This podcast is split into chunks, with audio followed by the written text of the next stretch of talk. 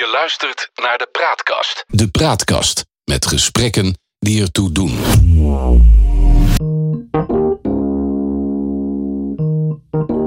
Dit is CNR, de podcast met Chris Wolters en Raymond Laurier.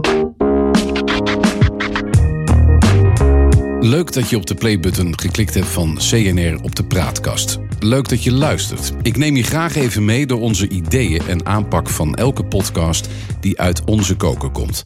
Elke podcast krijgt namelijk onze volle aandacht. Want elke podcast van de Praatkast bevat een gesprek dat ertoe doet. Niet alleen het gesprek, maar ook de kwaliteit staat bij ons hoog in het vaandel.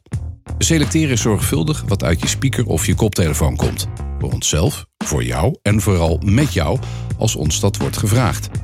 We willen graag bovenop het onderwerp zitten met respect en in alle puurheid. Waar nuttig en nodig komen we met een andere invalshoek.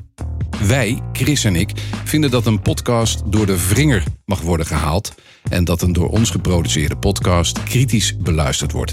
Dat mag. Graag zelfs.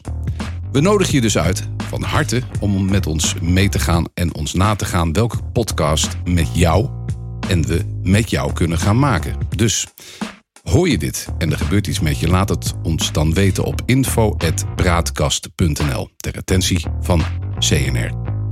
Even de huishoudelijke zaken. Een podcast van de Praatkast. Gesprekken die ertoe doen. Dit keer in de eerste aflevering van CNR. Een vrouw die zich bezighoudt met afscheid nemen. Christine Heinsius van Zielskrachtbegeleiding en Uitvaart. Haar eigen bedrijf. De begeleiding die Christine biedt begint voor het moment van overlijden. Bijvoorbeeld als iemand ziek is en alvast wil nadenken over het afscheid. Ze verplaatst zich en begeleidt dus vooraf aan een uitvaart. Hoe kom je in zo'n beroep terecht? Is het een mooi vak? Wat moet je ervoor meebrengen? Is het een zwaar vak? Waarom kies je überhaupt voor dit werk? En is het standaard? Nou, nee. Het is namelijk bijzonder te noemen. Zoals ze zelf zegt, helend werk vanuit de ziel. Veel vragen gaan we stellen, Chris en ik.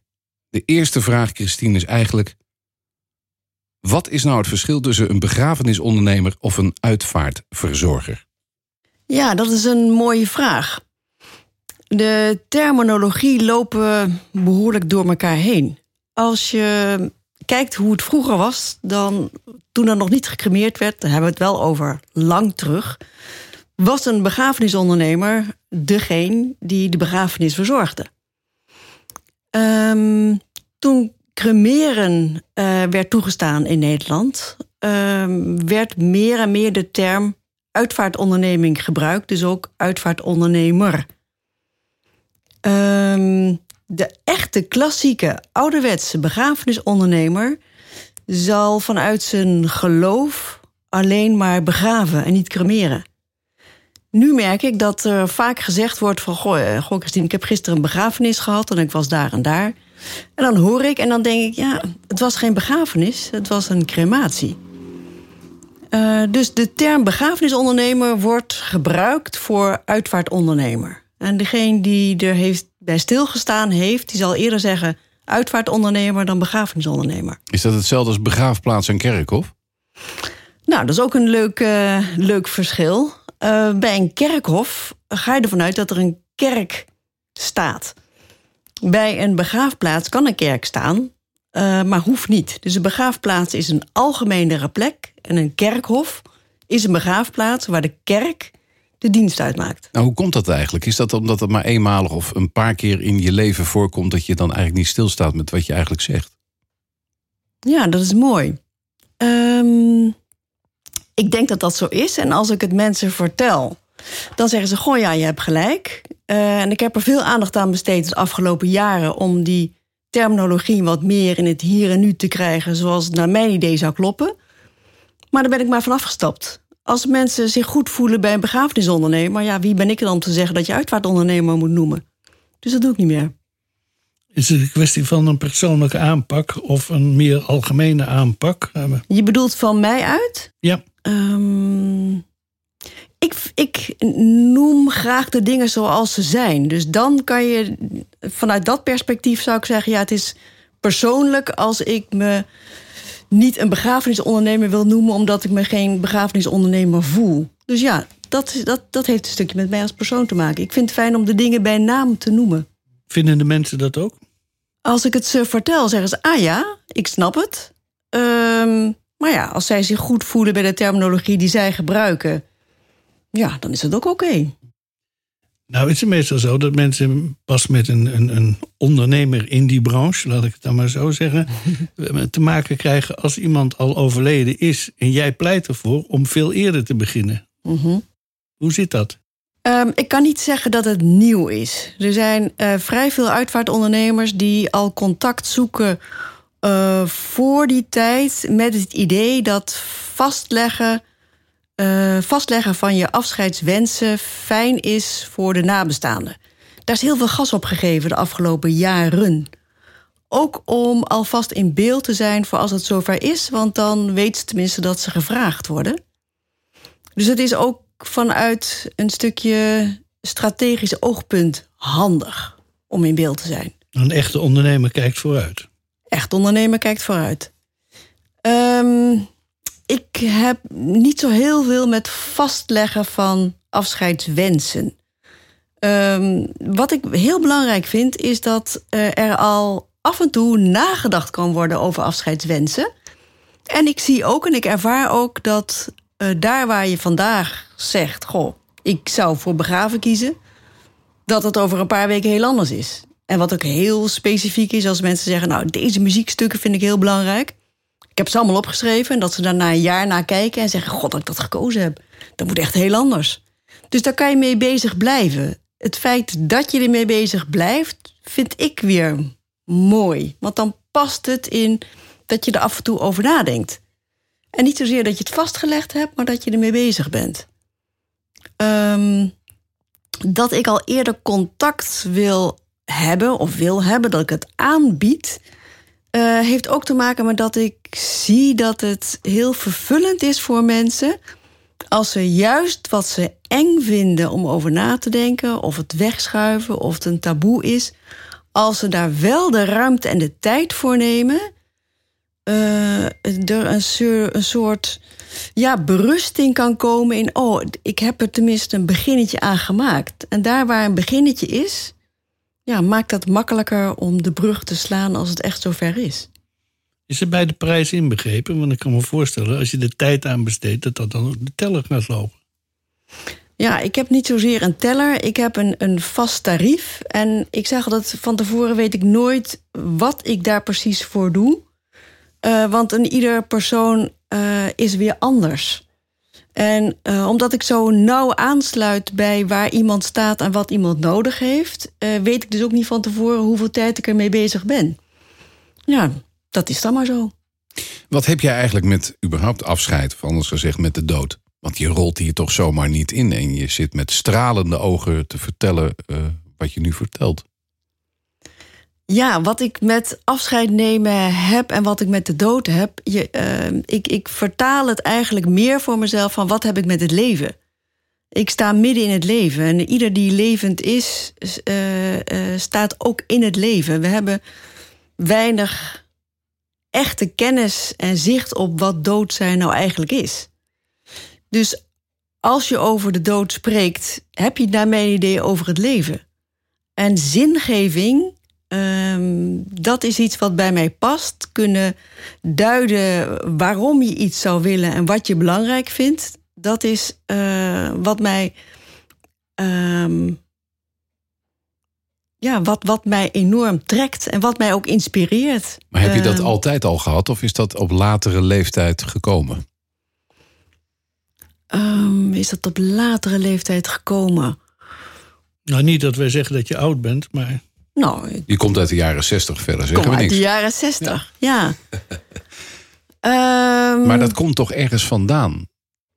Ja, ik vind het moeilijk te duiden waar het vandaan komt. Als je, eh, wat, wat mij eh, in ieder geval triggert zijn overgangsmomenten. Eh, bijvoorbeeld een geboorte is daar één van. De dynamiek van een geboorte is misschien heel raar om te vergelijken met de dynamiek van overlijden. Eh, want bij de een zit, eh, zit in ieder geval vreugde en bij de ander kan veel verdriet zitten. Het zijn wel overgangen die gemaakt worden, die ertoe doen. Dus je hebt het ergens over wat ertoe doet.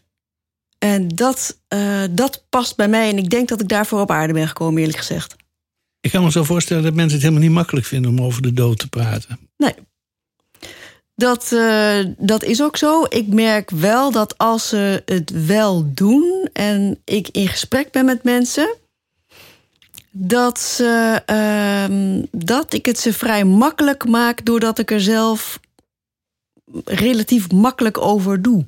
Ik kan me voorstellen dat het uh, praten over de dood tegenwoordig makkelijker is dan vroeger. Klopt dat ook? Um, dat weet ik niet zeker of dat zo is. Uh, we worden, ja, als je, als je kijkt hoe de mens zich ontwikkelt, worden we wel steeds um, alerter en bewuster. Uh, wat maakt dat, uh, dat het onderwerp misschien bespreekbaar is, maar het is ook heel lang weggedrukt. Dus ik kan niet veel verder terugkijken dan ja, als je naar geschiedenisboeken uh, kijkt, dan staat daar niks over hoe mensen echt met de dood omgingen en hoe ze erover spraken. Ik weet wel dat het iets was wat, uh, ja, zeker als je naar het platteland kijkt, een vrij normaal gegeven is. Het is wel weggedrukt geraakt. Even naar de titel waar jij onder werkt: Zielskracht Uitvaart. Dat mm -hmm. is niet een uh, gangbare stand, standaard titel. Nee. Tell me more. um, wat ik um, besef is dat uh, bij, bij in ieder, bij elk mens, en misschien ga ik nog wel verder dan alleen mensen, we een ziel hebben. En dat die ziel meespeelt in het leven en in de dood.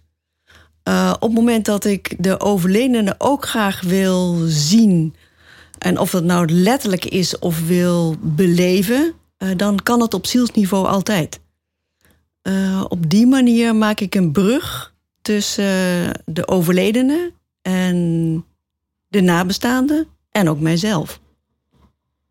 Het is een heel emotioneel moment als iemand overleden is. Kun je dan wel goed beslissingen nemen? Uh, het is niet altijd het moment om, uh, om beslissingen te nemen. Uh, het kan zijn dat mensen beslissingen nemen waar ze later last van hebben. Um, hoe ik daarmee omga is dat ik heel zuiver kijk welke beslissingen genomen worden, wat daar consequenties van zijn, zodat ook kan vertellen. En als ik zie dat het niet het moment is om die keuzes te maken, kan ik dat ook benoemen. En je kan heel veel rust en tijd inbouwen om, um, ja, om de juiste keuzes te kunnen maken. En, ja, en wat zijn juist de keuzes? Als ik terugkijk, dan kan het ook zijn dat ik na een tijdje zeg: God, dat was misschien niet helemaal de juiste keuze. Maar die is wel op dat moment gemaakt. Maar ik doel ook een beetje op uh, als iemand overleden is, dan komt dus een vertegenwoordiger of een begrafenis- of uitvaartondernemer. En die leg je een lijstje voor, zo van nou, dat heeft u nodig en dat heeft u nodig. En dat is meestal een vrij vlotte aangelegenheid, want er is een beetje haast geboden. Wie zegt dat er haast geboden is? Ja, dat zeg ik niet, maar dat gevoel krijg je dan. Dat gevoel krijg je, oké. Okay. Um, ik herken wat je zegt. Mensen uh, kunnen het gevoel hebben van er moet nu van alles besloten worden. Ik kan in kaart brengen wat de prioriteit is daarin om zoveel mogelijk rust te waarborgen. Uh, mensen weten niet dat er zes dagen zijn, zes werkdagen zijn tussen overlijden en de uitvaart zelf, die gebruikt kunnen worden voor de voorbereiding. Dat zijn nogal wat dagen. Feestdagen tellen daar niet in mee. Uh, dus soms kunnen er rustig tien dagen overheen gaan. Um, als iemand heel goed voor ogen heeft wat ze willen en hoe ze het willen, dan is het niet nodig om er heel veel dagen tussen te laten zitten. Tenzij ze zeggen, we hebben echt de tijd voor onszelf nodig. Dat is ook goed. Dus ik, bij, bij, bij de start kijk ik van, wat heeft deze familie nodig? En dat bespreek ik ook. En het kan zijn dat ik iets ervaar of zie... Waar, wat ze zelf nog niet gezien of ervaren hebben. Um, en wat maakt dat ze maar dankbaar voor zijn dat ik daar aandacht voor heb. Zodat ze de juiste keuzes kunnen maken. Je luistert naar CNR en we praten nog steeds met Christine Heinsius. Uitvaartondernemster of is het ondernemer? Ja, uitvaartondernemer is, uh, Ja, is de term die ik het meest gebruik eigenlijk. Ja. Uh, we hebben altijd het handje van hier in Nederland om te praten over vroeger. Uh, uitvaart is niet meer de uitvaart van vroeger, ja of nee? Ja. Want? um, als je naar zo'n, zo'n um, nou, laten we zeggen, zo'n 40 jaar geleden kijken, dan um, is er een, een, een, vrij vast patroon, zeker vanuit de religie, hoe je een uitvaart organiseert. Als ik nog even bij de religie uh, blijf, dan zijn er uh, vaste concepten uh, die je langs gaat, waar de uitvaart, hoe de uitvaart eruit ziet en wat er gedaan wordt. Um, en als je kijkt naar bijvoorbeeld een, een, een, kerkelijke uitvaart, dan gaat het helemaal niet om de overledene, ook niet over het leven van de overledene, maar dan gaat het over de rituelen die belangrijk zijn om, om te volgen. En dan heb je ook niet het idee bij welke uitvaart je bent, want de ritueel is altijd hetzelfde. Dat is op zich heel krachtig. Alleen hebben we de afgelopen jaren gemerkt uh, hoe we ons ontwikkeld hebben in de maatschappij. Dat het individu en het leven wat, het, wat we gehad hebben, um, meer naar de voorgrond mag bij het afscheid zelf. En met die verandering zie je dat uh, de invulling van uitvaarten enorm veranderd zijn. Want het gaat om het individu, dus het gaat om de persoon en om de nabestaanden. En daarmee krijg je een veel persoonlijker uitvaart. En is het herkenbaarder om wie het gaat. Maar gaat dat soms niet heel erg ver? Ik bedoel, ik kan me nog herinneren dat men zei: Nou, Vroeger had je een kopje koffie en een, een, eh, plakje cake. Daarna zei ze een stevige borrel. En inmiddels wordt het een soort feestje. Ik bedoel, gaat het soms niet heel ver in jouw beleving? Ja, wat, wat is ver gaan? Wat ik uh, belangrijk vind, is dat de nabestaanden goed afscheid kunnen nemen. En goed afscheid nemen kan betekenen uh, het leven van de overledene en van de nabestaande zelf neer te kunnen zetten. En zich te herkennen in, in dat leven. Ja, en dan komt er alles langs wat heel gebruikelijk is voor zo'n gezin. Maar je kunt zo nu dan merken dat het, uh, dat het tenenkrommend is over wat er verteld wordt. Of dat het toch wel behoorlijk gedronken wordt. Denk je dan niet zo nu en dan van heel persoonlijk, maar gaat dat niet wat ver? Um, waar ik rekening mee hou is, hebben we respect uh, voor um, voor een ieder die aanwezig is bij het afscheid. Op het moment dat er uh, erg veel gedronken zou worden en je daarvoor, daardoor het respect verliest naar elkaar toe, uh, zou ik kijken hoe ik daar mijn inbreng in kan hebben, uh, waardoor het respect daar wel kan zijn. maar persoonlijk heb ik niet het idee dat er. Ja, dat door de eigenheid van mensen mee te nemen in het afscheid, het respectloos bij zou zijn of dat het te gek is. Wat is je grootste irritatie bij een uitvaart? Je zegt ja, nee, dit moet echt, dat kan niet meer, dat mag niet meer. Er gebeurt nogal wat op zo'n dag, hè? Ja, er gebeurt nogal wat op zo'n dag. Daar zou ik geen voorbeeld van kunnen noemen. Dan doe je het dus allemaal goed. Nou, ik weet niet of ik het goed doe. Um, maar ik, ik heb geen voorbeelden waarvan ik zeg: dit zou ik never nooit meer op deze manier willen doen. Um, ja, maar dat is eigenlijk aan de voorkant al, al afgetikt. Kijk, het kan zijn dat ik kennis maak met mensen die iets van mij vragen waarvan ik zeg: ja, dit past zo niet bij mij. Uh, dit kan ik niet voor ze betekenen. Wat past niet bij jou? Um, Noem eens een voorbeeld. Als mensen. Um, als mensen zeggen, we hebben een heel concept, dit is wat we van jou verwachten. Um, en zo willen we dat jij het uitvoert, zonder dat ik daarin ehm, in mee mag kijken. Ja, dan past het niet bij mij. Maar betekent het dan dat het op jouw manier moet? Nee, het moet niet op mijn manier. Maar waar ik, um, uh, wat ik erg graag wil, is dat ik mensen de consequenties van keuzes kan vertellen. Als uh, de, het, het. Ja, dan zou ik in de situatie terecht kunnen komen dat er een, een een of ander feestje gevierd wordt waarvan ik zeg. Hier kan ik niet het respect waarborgen van een ieder. Daar kan ik niet aan deelnemen. Dan doe ik het niet. Speelt geld een rol? Geld speelt altijd een rol. In die zin dat ik altijd kijk en bespreek met mensen wat de waarde is van mijn dienstverlening ten opzichte van uh, wat zij zullen gaan betalen voor, voor de uitvaart die ik ga verzorgen. Als dat klopt, dan is het goed. Als dat niet klopt, uh, dan moet je daar naar kijken. Maar de verzekering dekt toch de schade? Ja, jij gaat dan uit dat er een verzekering is, maar niet iedereen heeft een verzekering.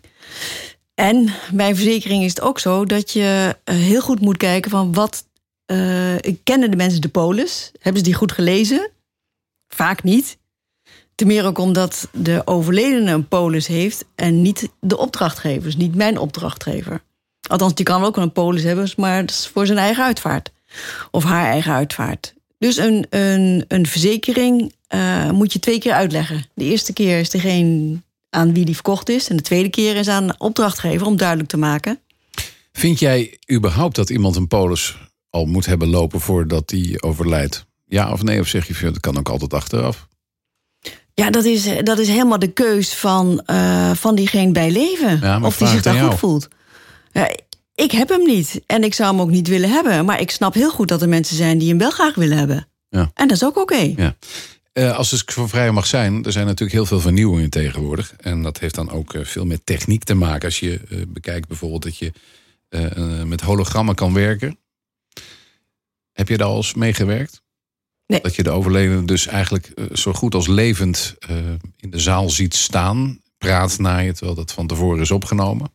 Nee, heb, Ik, nog niet, heb ik nog niet meegemaakt. Nee, zou je dat wel willen? Natuurlijk. Oké. En dan, eh, natuurlijk, we kennen het verhaal van de kist of de crematie. Maar het, eh, het resumeren, zeg ik het dan goed? Dat is dan mhm. ook iets nieuws. Daar al mhm. mee gewerkt? Ja, dat klinkt ook raar. Heb dat je daar al mee niet. gewerkt? Dat kan nog niet. Blijft niks van over. Nee, maar het gaat er wel aankomen dan. Gaat er aankomen. Ja. ja. Hoe sta je daar tegenover? Even uitleggende wat resumeren precies uh, betekent. Ja, prima. Uh, maar het is nog niet zover. Nee. Maar leg even uit wat het ook alweer... want jij bent eh, de vakvrouw hier. Oké, oké. Ja, eigenlijk heel eh, eenvoudig gezegd... is resumeren een manier waarop het lichaam in een vloeistof... als het ware oplost. Dus dat er weinig restmaterialen zijn. Mm. En daarmee op een vrij snelle, snelle manier... Uh, waarmee het een manier is van, uh, uh, van omgaan met het lichaam. Het is een beetje duurzaam. Ik weet niet zozeer of het echt duurzaam is. Want de vloeistof die je gebruikt, die heeft ook een, een chemische samenstelling. Dus daar ben ik nog niet helemaal over uit of dat echt duurzaam is. Nou, zijn er dan echt duurzame uitvaarten? Ik vond het prachtig om te lezen. Er zijn ook duurzame uitvaarten. denk ik, ja, in eeuwigheid denk ik dan maar. nou, bij duurzaam kan je uh, altijd kijken naar alles wat je doet en wat je gebruikt. Waar het vandaan komt. Um, of je het nodig hebt Ehm, en of het, ehm, of het zich ontbindt, ja of nee. Nou, kortom, als je het hebt over een kist die moet uh, volledig uh, in, in as gaan, dan moeten geen chemische stoffen, geen plastic, geen dat soort dingen allemaal. Dat bestaat? Ja, dat bestaat. Maar als je bijvoorbeeld uh, een lijkwade zou gebruiken, als dan niet katoen is, want voor katoen heb je weer heel veel water nodig om het te produceren. Nou ja, zo kan je dus heel ver gaan. Dus wat is duurzaam is altijd een goede vraag. Ja, nou ja, in ieder geval, we moeten er geen eeuwigheid mee zitten in het, uh, in het uitvaartwezen. het is een enorme branche. Ik bedoel, er overlijden per jaar ruim 150.000 mensen. Uh en er zijn heel veel begrafenisondernemers of uitvaartondernemers. -huh. Is er dan nog wel een boterham te verdienen? Uh, nou, je ziet dat er uh, in de afgelopen twintig jaar er een enorme versnelling is geweest van, uh, van uitvaartondernemers die zijn opgestaan. Kleinere ondernemers, eenpersoons of, of, of een paar mensen samen. Ja, wanneer verdien je een boterham? Hoeveel wil je eraan verdienen? Hoeveel tijd wil je eraan besteden? Je ziet dat in ieder geval nog een heel groot gedeelte door de uitvaart, grotere uitvaartondernemers, de verzekeraars, uh, verzorgd wordt. Uh, dat zie je wel aan het afnemen. En dat heeft met name te maken dat mensen zich uh, meer en meer afvragen... op welke manier wil ik begeleid worden en door wie. Ik heb ook begrepen, en corrigeer me als ik dat niet, niet goed heb... als je de kleine lettertjes niet leest... kun je aan het eind met een dikke rekening blijven zitten... waar je niet op gerekend had. Eh, kleine lettertjes. Dat doet me vermoeden dat je het over een verzekering hebt. Bijvoorbeeld. Oké. Ehm, ja. Eh, maar dat is eigenlijk wat ik, wat ik bijvoorbeeld al zei. Als eh, het gaat om iemand die verzekerd is. en je niet goed uitlegt als uitvaartondernemer. wat die polis precies inhoudt. Ehm, het heel naar is als eh, uiteindelijk eh, blijkt dat, er, ehm, dat de uitvaartfactuur zoveel hoger uitvalt. En kan het dan zijn, want eh, een, een uitvaart kan wat duurder uitvallen, maar jij hebt misschien meer werk, net als een aannemer van ik moest toch wat meer doen. Is dat dan ook mogelijk dat jij een, een nota nastuurt? Eh, ja, ik werk niet voor een uitvaartondernemer, dus ik heb met veel minder eh, verzekeringen te maken.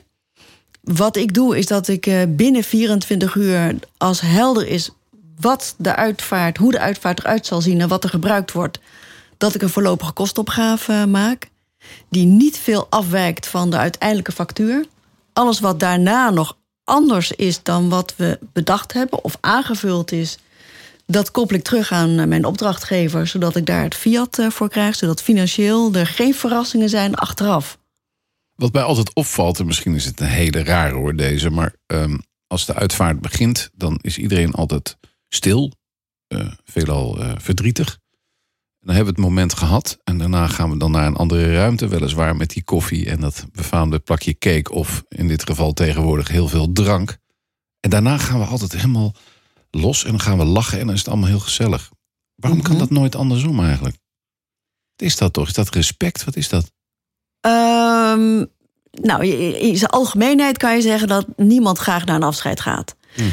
Eh, en dat, dat, dat een bedrukte stemming er eh, kan zijn omdat mensen het spannend vinden, het eng vinden, niet goed weten van hoe ga ik me voelen, eh, contact hebben met de nabestaanden, hoe moet ik me gedragen, Eh, wat kan ik zeggen. Nou, van alles wat er langs komt, wat onzeker. Ook, wat kan ik niet zeggen. Van alles komt er langs wat, wat spanning geeft. Ehm, wat ik graag doe, of wat ik in ieder geval voorstel bij veel nabestaanden, is de vraag of ze zelf hun gasten willen ontvangen. Als dat zo is, dan zie je dat er ook een andere start is. Want dan heb je al een stukje ontlading bij het, ehm, bij het ontvangst, daar waar gasten eh, de nabestaanden al kunnen zien en spreken. En dat maakt dat je, eh, of dat effect heeft eh, op het afscheid zelf, is dat, er, dat de beladen sfeer er makkelijker, sneller af is. En dat dat ook fijner is voor het afscheid. Ehm, maar het is alleen maar fijner en makkelijker als de nabestaanden dat zelf zo ervaren. Als ze zeggen, ja, maar ik wil niet eh, de emoties hebben van, van de gasten erbij. Want dat, dat trek ik zelf niet. Ja, is dat natuurlijk geen, goede, geen goed advies. Maar ik merk wel dat het invloed heeft op, ehm, op, op die sfeer. Wat is het moeilijkste moment? Eh, er zijn in het hele, in het hele proces eh, een aantal eh, momenten waarop veel mensen zich realiseren: nu is het echt. Maar dat kan ik wel vertellen welke momenten dat zijn. Eh, maar aan de andere kant kijk ik ook altijd met de ogen van hoe zit een ieder erbij, omdat dat ook weer heel verrassend anders kan zijn. En ik kijk niet vanuit vaste concepten. Ik, ik wil het liefst. Daarom neem ik ook nooit iets mee als ik eh, voor. eh, eh, als ik naar nabestaanden ga om een uitvaart te verzorgen. Ehm, alles wat, wat vast in mijn gedachten zit, ehm, maakt dat er geen ruimte is voor de ander. Dat vind ik heel jammer. Dus ik kijk elke keer weer van wat zijn overgangsmomenten waar ik iemand even de ruimte of de tijd moet gunnen of kan gunnen of even aan kan helpen. Is Christine Heinsius de beste uitvaartonderneemster? Dat is een, eh, dat is een hele leuke vraag. Je mag gewoon ja zeggen hoor. Ik kan gewoon ja zeggen. Ja. Of nee? Nou, ik eh, ervaar dat ik het op een goede manier doe. Die past bij mij. En die ook past bij de nabestaanden die mij vragen. Dus ja, ik zeg ja. Kijken naar de toekomst. Wat mis jij nog in de uitvaart eh, in zijn geheel? Dat je zegt van dat zou ik graag anders willen zien. Of die kant moeten we op. Ook gezien de situatie waar we met z'n allen in zitten. Ik noem maar één keer het woord corona. Mhm. Wat ik eh, zie in de coronatijd, en eigenlijk was dat ook wel daarvoor waar ik veel aandacht aan besteedde, is doe je in het afscheid wel de dingen eh, die de juiste dingen om een goed afscheid te kunnen nemen. Nu in de coronatijd zie je dat er maar een, een kleine groep belangstellenden kan komen aan wat mensen heel lastig vinden. Dat kan ik me ook goed voorstellen. Als je ziet wat het effect is dat er met een kleine groep mensen afscheid eh, genomen wordt, is dat er dat mensen heel goed bij zichzelf kunnen blijven. En dat er minder afleiding is omdat ze zich goed willen houden voor anderen. En, ehm, en dan achteraf zeggen ze van, god, dat was zeer vervullend. En dat hadden ze van tevoren niet bedacht. Het is heel moeilijk om tegen een groep mensen te zeggen, ja, we gaan je niet uitnodigen. Nu kan het niet anders. En dat, dat heeft wel een positief, kan een positief effect hebben. Even nog wat verder naar voren kijken. Heel even naar de toekomst. Want ik heb. Uh, ergens kwam ik tegen dat er een funeraire trendwatcher bestaat. En die kijken dan naar de begrafenis van de toekomst. En dan leg ik je voor een, een volledig op internet geboekte uitvaart. Of een extra een dimensie met een geurbeleving van rituals. Of een Uber uitvaart vervoer. Zie je dat allemaal aankomen, al die dingen? Ja, sterker nog, eh, het is er al. Ehm, of er nou zo hard gebruik van gemaakt wordt, nee, moet ik zeggen, nog niet. Wat ik wel heel erg zie de afgelopen jaren, is dat mensen zeggen: wij willen alles zelf doen. Uh, wat ik heel prachtig vind, maar wat betekent alles zelf doen? Uh, dat wil niet zeggen dat mijn werk er niet is. Sterker nog, ik heb vaak meer werk aan uh, goed in de gaten houden wat mensen dan doen, om te zien of ze het juist te bereiken met wat ze doen. Dus met andere woorden, weer die consequenties van keuzes. Omdat je het niet dagelijks doet, als je het zelf doet. Hè, want ik ga er niet vanuit dat, dat een ieder uh, een, de ene uitvaart naar de andere organiseert voor, uh, voor kennissen, vrienden, opa's en oma's. kennen ze de weg niet. dus help ik ze om de weg vrij te maken zodat ze het zelf kunnen doen. Maar echt helemaal zelfstandig doen zonder een uitvaartondernemer. Ja, eh, het kan. Um, maar het is niet iets wat, um, wat ik voorzie dat een grote vlucht gaat nemen. Nee. Blijf je dit tot aan je dood doen? Ja, zeker. Nou, dan heb ik nog één vraag aan jou. We hebben duidelijk gemaakt dat jij dus vooraf altijd uh, eigenlijk in principe alles al doet. Uh, Mag ik een, eh, een, persoonlijke vraag stellen als laatste? Zeker. Hoe ziet je eigen uitvaart eruit? Geen idee. Nou, dat is een mooie afsluiting. Heel erg fijn dat je er was eh, in onze eerste aflevering. Tot zover deze eerste aflevering dus van CNR op de Praatkast. Dank aan Christine Heintjes van Zielskracht Begeleiding en Uitvaart. Heb je opmerkingen, ideeën of wil je gewoon wat kwijt aan CNR? Mail ons dan gerust op info.praatkast.nl ter attentie van CNR. En check natuurlijk ook even onze andere podcast op de Praatkast. Of tune in op, op de eerstvolgende van CNR. Namens Chris en ondergetekende bedankt voor het luisteren... en graag tot een volgend luistermoment. Dag. Je luistert naar de Praatkast. De Praatkast met gesprekken die ertoe doen.